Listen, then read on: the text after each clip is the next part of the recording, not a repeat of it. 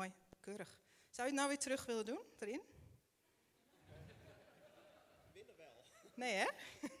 Leg hem maar neer, dankjewel. Eigenlijk een heel, uh, het is ook een uitdrukking die wel eens gezegd had, hè? Once the toothpaste is out of the tube, you cannot put it back in. Als de tandpasta eruit is, kun je het niet meer terugstoppen. En ik weet niet hoe het bij jullie zit, maar um, ik heb dat wel eens met mijn woorden. Als ze één keer gezegd zijn, dan zou ik wel eens willen dat ik ze weer terug zou kunnen stoppen en dat ze niet gezegd waren. Maar dat lukt niet. En um, nou is het zo dat wij gemiddeld als mensen ongeveer 15.000 woorden per dag spreken. Veel hè? 100.000 per week, circa een half miljoen per jaar. Ik vermoed dat bij vrouwen dat gemiddelde iets hoger ligt. Ja, herkenning alom. Bij mannen misschien iets lager. Maar volgens mij zegt dat wel heel duidelijk dat het goed is om met elkaar na te denken. Wat gebeurt er met de woorden die we spreken? Welke woorden spreken we en wat is het effect daarvan? Dus daar wil ik heel graag met jullie de Bijbel over open doen, een aantal voorbeelden over noemen. Mag ik met jullie bidden voor deze boodschap? Lieve Vader in de hemel, dank u wel Heer voor wie u bent. Dank u wel voor uw goedheid en uw trouw. Heer, dank u wel dat u een mond heeft gegeven aan ons om te spreken. En Heer, we willen u vragen om juist op dit moment, de komende half uur, onze oren en ons hart te zegenen. Wilt u het openzetten, Heer, voor wat u wilt spreken in ons hart? Heer, dank u wel dat, um, dat we daarover na mogen denken met elkaar. Dat u ons zoveel wilt meegeven vanuit uw woord. Heer Jezus, dank u wel dat u ons voorgeleefd heeft hoe we ja, in deze wereld mogen staan. Om uw liefde uit te stralen op een goede manier. Heilige Geest, wilt u hier zijn? Wilt u de woorden die ik spreek, Heer, verdelen over de harten van de mensen die hier zijn? We houden van u en we zien ernaar uit voor wat u gaat doen. In Jezus' naam. Amen.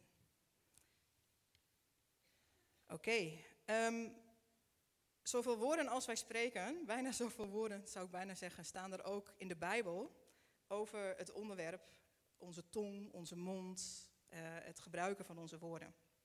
En de eerste Bijbeltekst die ik, uh, die gaan we niet allemaal bij langs, maar ik heb er een aantal gekozen. De eerste Bijbeltekst die ik graag met jullie door wil nemen, je kunt meelezen op het scherm, is Laat geen vuile taal over uw lippen komen, maar alleen goede en waar nodig opbouwende woorden die goed doen aan wie ze hoort. Nou, ik weet niet hoe het jullie vergaat, maar ik word nog niet zo heel zenuwachtig van dat eerste gedeelte. Laat geen vuile taal over uw lippen komen. Dat, dat lukt nog wel redelijk. Um, soms ook best wel een uitdaging als je een keertje goed boos bent. Maar dat tweede gedeelte, dat, is, dat, is dat vind ik zo'n uitdaging. Alleen maar woorden die opbouwen en goed doen aan degene die ze hoort. Wat een uitdaging. En, um, en zo graag als ik het wil, het is een verlangen van mijn hart en ik geloof dat het iets is wat, als we Jezus willen volgen, dat dat iets is wat we allemaal graag willen. Klopt dat? Dat dat is wat we willen, dat de woorden die we hebben, dat die goed doen aan de mensen die ze horen. En om de uitdaging nog wat groter te maken, geloof ik dat we met elkaar verbonden zijn. Zoals we hier zitten, als broers en zussen, als kinderen van God. En dat Jezus gekomen is naar de aarde, ons voor heeft gedaan hoe hij leefde. Dat hij gestorven is voor onze zonden, opgestaan en vervolgens naar de hemel is gegaan en heeft gezegd, nu jullie. Nu ben ik op aarde door jullie heen, omdat jullie mijn lichaam zijn. Ik ben jullie hoofd, jullie zijn mijn lichaam. En ik vraag me zo vaak af, als mensen mij tegenkomen, als mensen ons zien als de kerk, als het lichaam van Christus, horen ze dan in onze woorden Jezus spreken? Horen ze de woorden van Jezus? Dat is een uitdaging. Ik geloof dat als we heel eerlijk zijn, elkaar aankijken, ook zeggen, wat kunnen we nog veel groeien daarin? En dat mag. En ik denk dat we nou, in ons hart mogen kijken en mogen gaan groeien in, in het uiten, het spreken over genade en over liefde voor elkaar en over positieve dingen. Positieve woorden, de, waarheid die Jezus over ons heeft uitgesproken. Dat we die vooral aan elkaar kunnen laten weten en mogen laten weten. Maar hoe doen we dat? En toen ik um, over deze, deze boodschap nadacht, toen dacht ik, ja, er zitten ook wel um, een aantal aspecten aan woorden als het gaat om mijn eigen hart. Als het gaat om wat er is er nou in mijn leven gebeurd, aan woorden die in mijn leven zijn gesproken, die positief waren, die mij opgebouwd hebben, die me geholpen hebben, maar misschien ook wel woorden die pijn hebben gedaan. Die gaten hebben geslagen, die dingen kapot hebben gemaakt. Misschien ook wel herkenbaar voor een heleboel mensen die hier zitten. En er staat in de Bijbel een, uh, een prachtige spreuk in Spreuken 18. ik wil graag het eerste gedeelte daarvan met jullie uh, bekijken. Daar staat: Gedachteloze praat kan een mens diep kwetsen. Herkenbaar, denk ik, hè? Onnadenkende woorden die je misschien zelf hebt gesproken of die over je uit zijn gesproken. ik wil graag een verhaal met je delen dat ik, uh, dat ik laatst ergens las, wat uh, volgens mij iets, iets daarover zegt. En ik wil, ik zat erover na te denken en dacht, nou, ik heb in alle eerlijkheid, soms dan, uh, dan hoor je mensen die staan op een podium en die vertellen een verhaal van dit is er met mijn leven gebeurd. En dat is gebroken en het is En in alle eerlijkheid, ik kan zeggen, ik heb, ik heb een fijne jeugd gehad. Ik heb ouders gehad die me bemoedigden, die van me hielden. En veel mensen, als ik hierover nadenk, denk ik vooral heel veel mensen hebben positieve woorden over mij gesproken. Daar ben ik ontzettend dankbaar voor. Ik wil niet zeggen dat er nooit iets is gebeurd, maar dat is het wel. Maar ik las een verhaal over een jongen en dat pakte me, want toen dacht ik, dat is volgens mij wat er aan de hand is als we negatieve woorden over elkaar spreken. Er was een jongen, een, eh, een, een puber, jaar of 14, 15. En elke keer als die jongen boos werd, en dat gebeurde ongelooflijk vaak op een dag, hij werd bijna overal boos op. Maar niet alleen werd hij boos, hij haalde echt uit naar de mensen om zich heen. Dus hij, hij schreeuwde, hij beledigde um, zijn moeder, zijn vader, de mensen om hem deed. Hij deed ontzettend veel mensen deed hij pijn. En op een gegeven moment was zijn vader daar gewoon helemaal klaar mee. En die zei echt van, nu is het afgelopen, nu kom je met me mee. En vanaf nu, elke keer als jij zo boos wordt, dat kan gebeuren, dat je boos wordt, maar je stopt met praten, je pakt een hamer en een spijker en dan sla je die spijker in een schutting. En dan reageer je maar even lekker op die manier af. Dus die jongen die uh, werd redelijk aangepakt door zijn vader, dus hij deed dat wel. En hij zei, nou oké, dat is goed, ga ik doen. En die jongen die ging de eerste dag een heel aantal spijkers in die schutting slaan.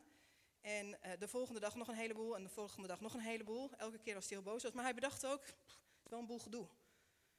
Elke keer als ik boos ben, weer naar die schutting enzovoort. Dus hij ging meer nadenken en denken, nou als ik het nou een beetje inhoud, een beetje rustig doe, dan, uh, dan hoef ik niet meer naar die schutting toe misschien. Dus na een heel aantal dagen, na een aantal weken, loopt hij naar zijn vader toe en zegt, hé hey pap, moet je kijken, vandaag hoefde ik geen spijker in de schutting te slaan, want ik was wel boos, maar ik hield het in en ik kon er gewoon mee omgaan. En toen zei zijn vader, dat is hartstikke mooi jongen. Weet je wat we nu gaan doen? Elke dag dat jij geen spijker in die muur te slaan. Als je niet zo boos bent geweest, als je niet andere mensen pijn hebt gedaan, haal die spijker er maar uit. Eén voor één, alle spijkers er weer uit. Nou, die jongen deed dat. Dus nog een hele tijd verder, uiteindelijk naar zijn vader toe. Pap, de spijkers zijn allemaal uit de schutting. Mooi hè? Volgens mij gaat het beter met me. Volgens mij gaat het goed. En toen zei zijn vader, ik ben trots op je. Ik vind het fantastisch loop eens met me mee. En hij nam zijn zoon mee, en dus die jongen die werd meegenomen naar die schutting. En zijn vader wees naar die schutting en zei, kijk, zie je al die gaten die er in die schutting zitten? Alle dingen die jij gezegd hebt, je, hebt het nu misschien, je doet het nu misschien niet meer, maar ze hebben wel een gat achtergelaten. Er zit een gat in, in de schutting, kun je niet zomaar mee dichten. En ik geloof dat ten diepste dat is wat we kunnen doen met onze woorden. We kunnen Um, we kunnen ze niet terugnemen, maar we kunnen wel vergeving vragen. We kunnen proberen relaties goed te maken. Maar vaak zit er nog een gat, diep van binnen. En ik geloof dat um, als we hier zitten en als we het verlangen hebben om liefdevolle en goede woorden te spreken naar de mensen om ons heen, dat het nodig is dat die gaten gedicht worden. En gelukkig gaat uh, Spreuken gaat verder. Met de, die tekst die is niet klaar, naar dat eerste gedeelte. Maar dat gaat verder en daar staat een wijs woord hield wonden. En ik vind dat zo ontzettend mooi dat de Bijbel ook meteen de oplossing geeft, ook in woorden weer. En dan is de vraag, als je hier zit en je hebt gaten, je weet dat er dingen over je leven gezegd zijn, hoe, hoe vind je dan die wijze woorden? Hoe vind je die wijze woorden? Wie gaat die tegen je zeggen? En ik denk dat, er, uh, dat daar verschillende mogelijkheden voor zijn. We hebben een Vader in de hemel die fantastische woorden voor ons heeft uitgesproken. Dat we zijn kind zijn, dat niets ons zal scheiden van zijn liefde.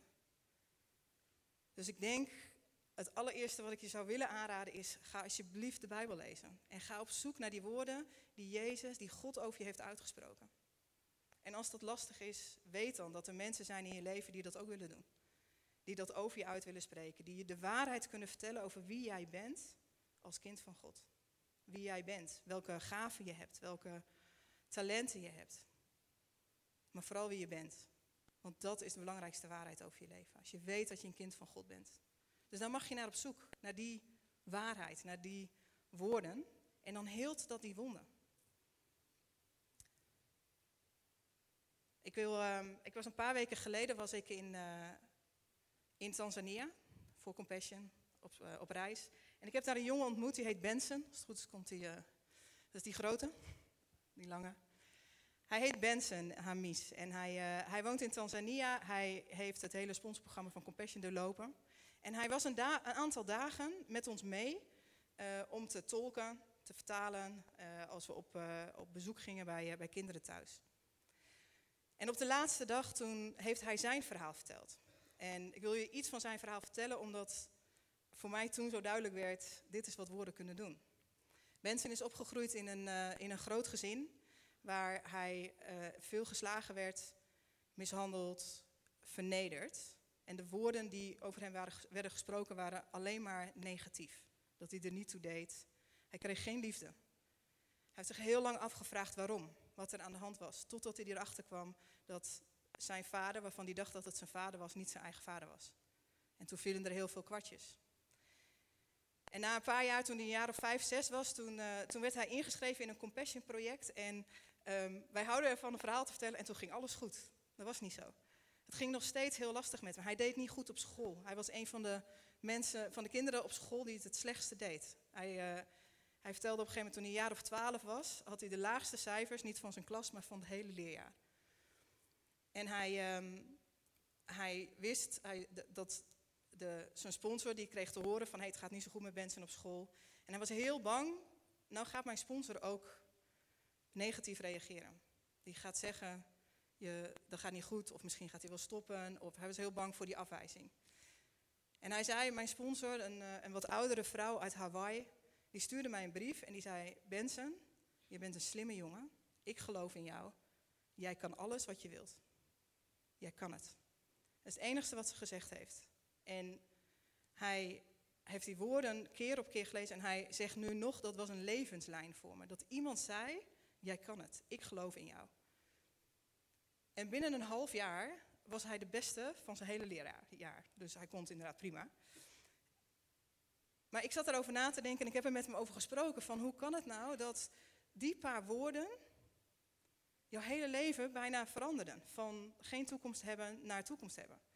En hij zei ook van ja, als niemand ooit dat tegen je zegt, dan geloof je het zelf ook niet. Mensen moeten je helpen om te geloven wat God eigenlijk over je gezegd heeft.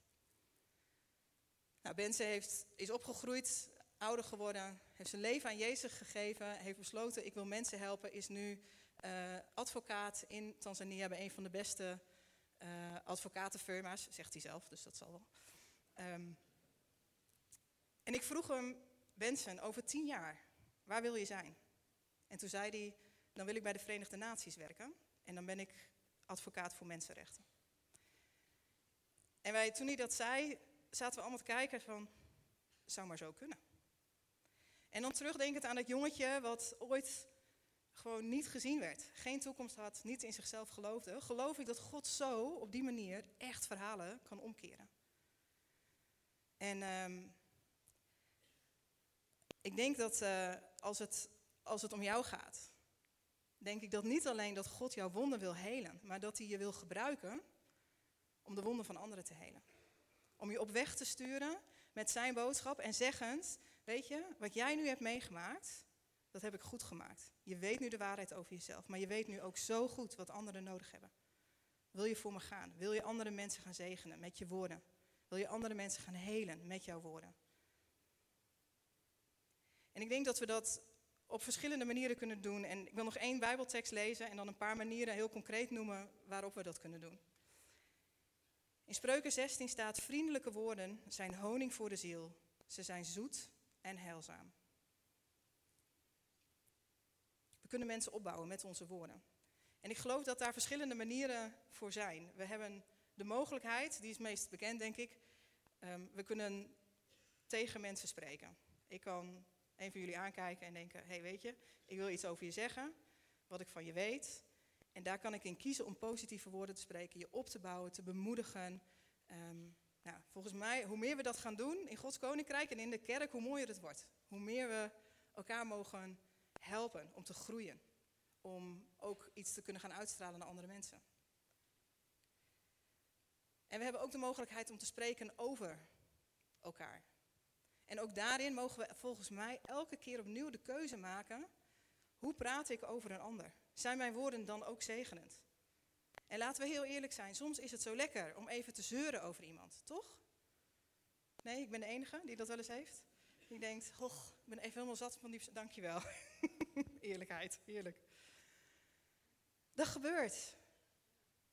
En ik vond het zo ontzettend mooi dat in dat eerste vers wat wij lazen, dat daar stond dat het erom gaat dat jouw woorden, degene die ze hoort, goed doen. Dus als ik met Yvonne ga praten over Willem-Jan, dan moet het Yvonne zegenen wat ik zeg over Willem-Jan. Vond ik, vond ik zo'n eye-opener. Toen dacht ik, oh, nou, als ik Willem-Jan dan uh, een beetje zwart ga zitten maken, wat ik denk ik niet ga doen, um, dan helpt het Willem-Jan niet, maar het helpt Yvonne nog veel minder. Wat mooi om dat in gedachten te houden. Als we over andere mensen praten, dat we elkaar kunnen zegenen. Wat is het mooi als je tegen iemand kan zeggen, vond je dat ze ook zo mooi zongen? Wat een gaaf nummer, wat stonden ze daar tof, toch? Dat. Elkaar bemoedigen. En want ergens gaat dat weer terugkomen, dat geloof ik. En als we dat gaan doen in het lichaam van Christus, dan gaat de wereld buiten zien, er is daar echt iets anders aan de hand dan dat er in de wereld en in de maatschappij hier gebeurt.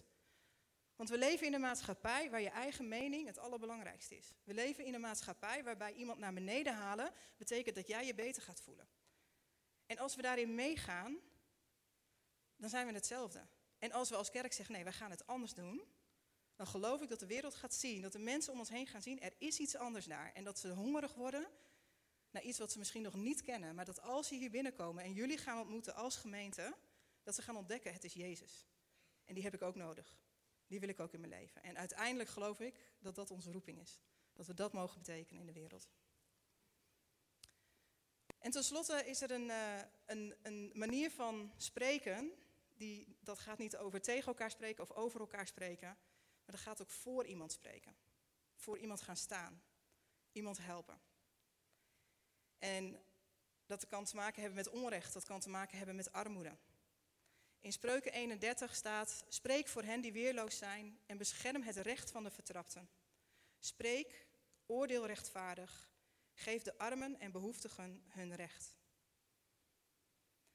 Ik wil graag um, jullie een stukje van een, film, een filmpje laten zien. Wat gaat over, um, over de woorden die we kunnen spreken in het leven van kinderen in armoede. En er zijn twee vrouwen die daar iets over vertellen in dit filmpje. Ik heb ze ontmoet en ik ken ze en ik weet hoe waar het is wat ze hier schrijven. Laten we met elkaar even kijken.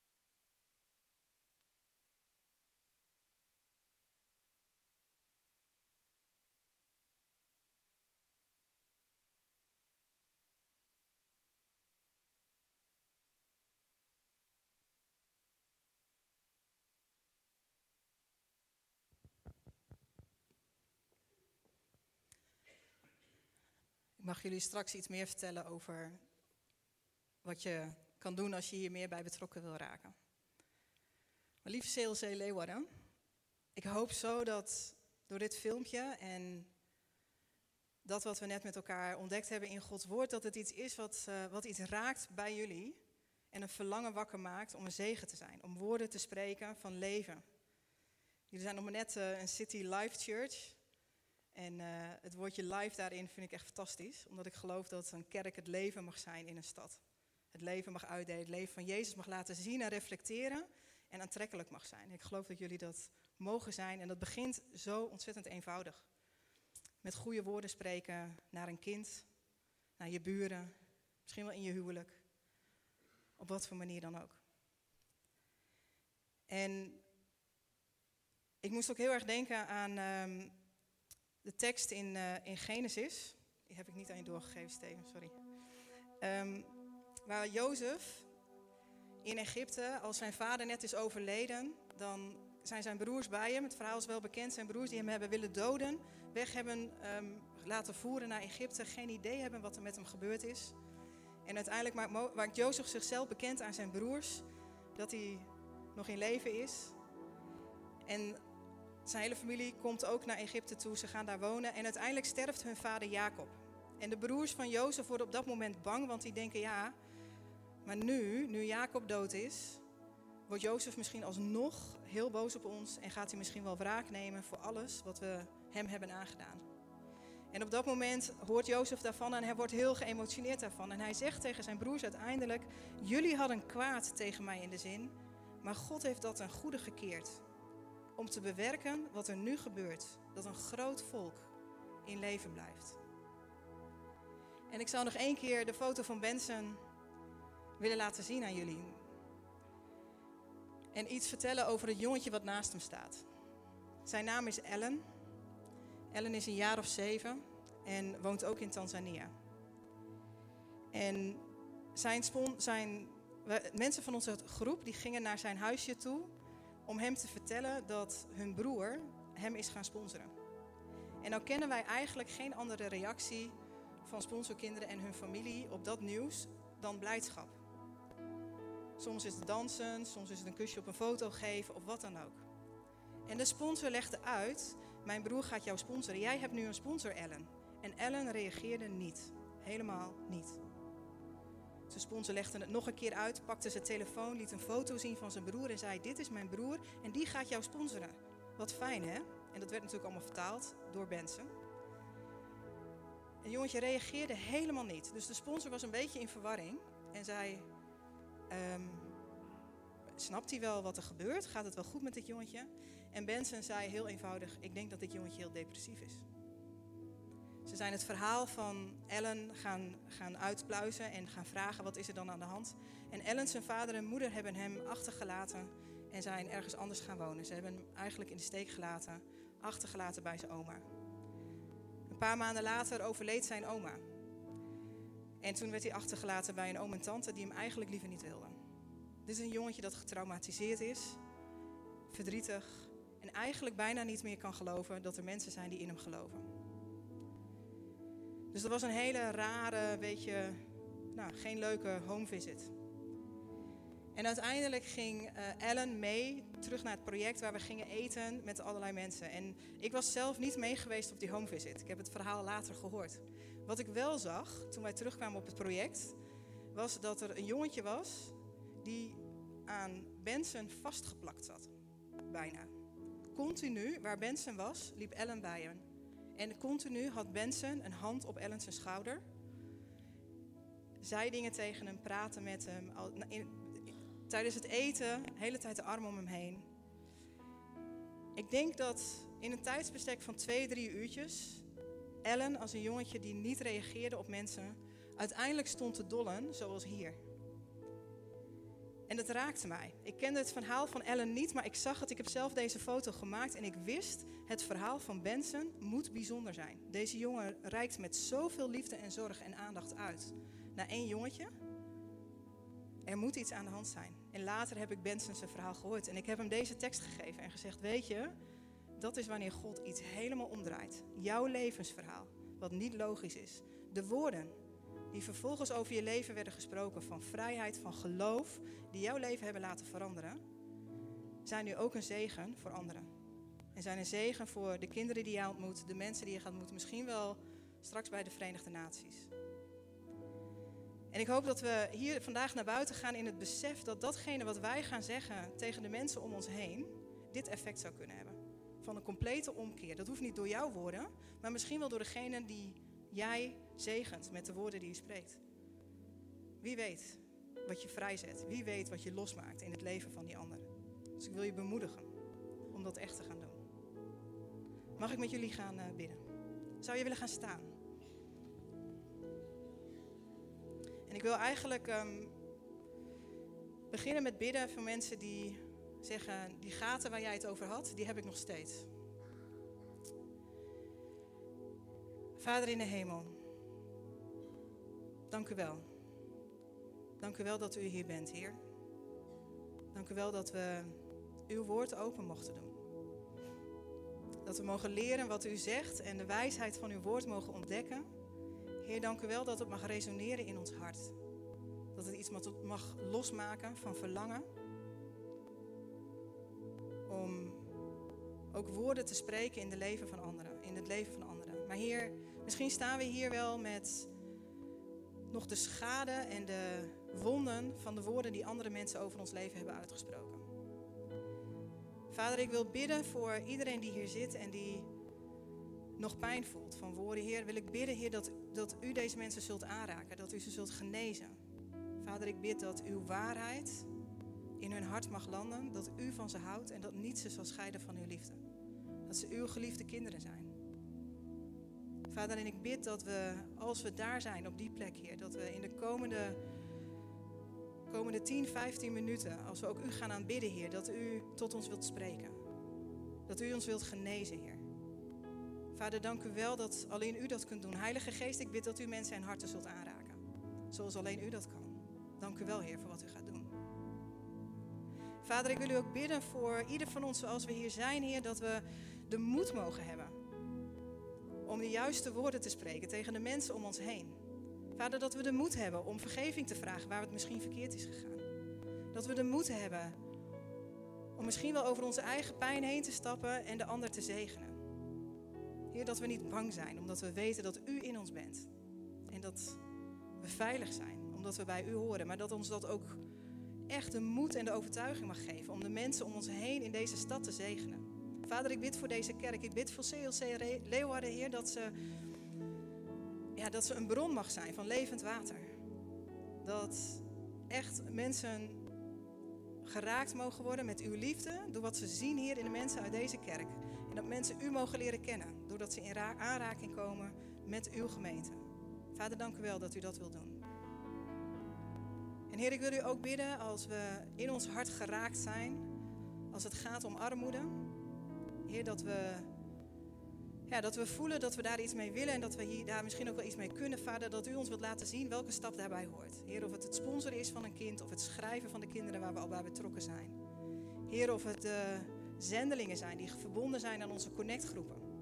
Vader, ik bid dat we de stap zullen nemen om misschien maar even die vijf minuten de tijd te nemen om woorden te schrijven, te whatsappen, te spreken. Heer, dank u wel dat u belooft dat u bij ons bent. Dat u ons hierbij wilt helpen. Vader, dank u wel dat u met een grote glimlach naar ons kijkt als we dit willen gaan doen. Vader, we leggen onze levens, onze dag, onze woorden in uw handen. We houden van u en we danken u. In Jezus' naam.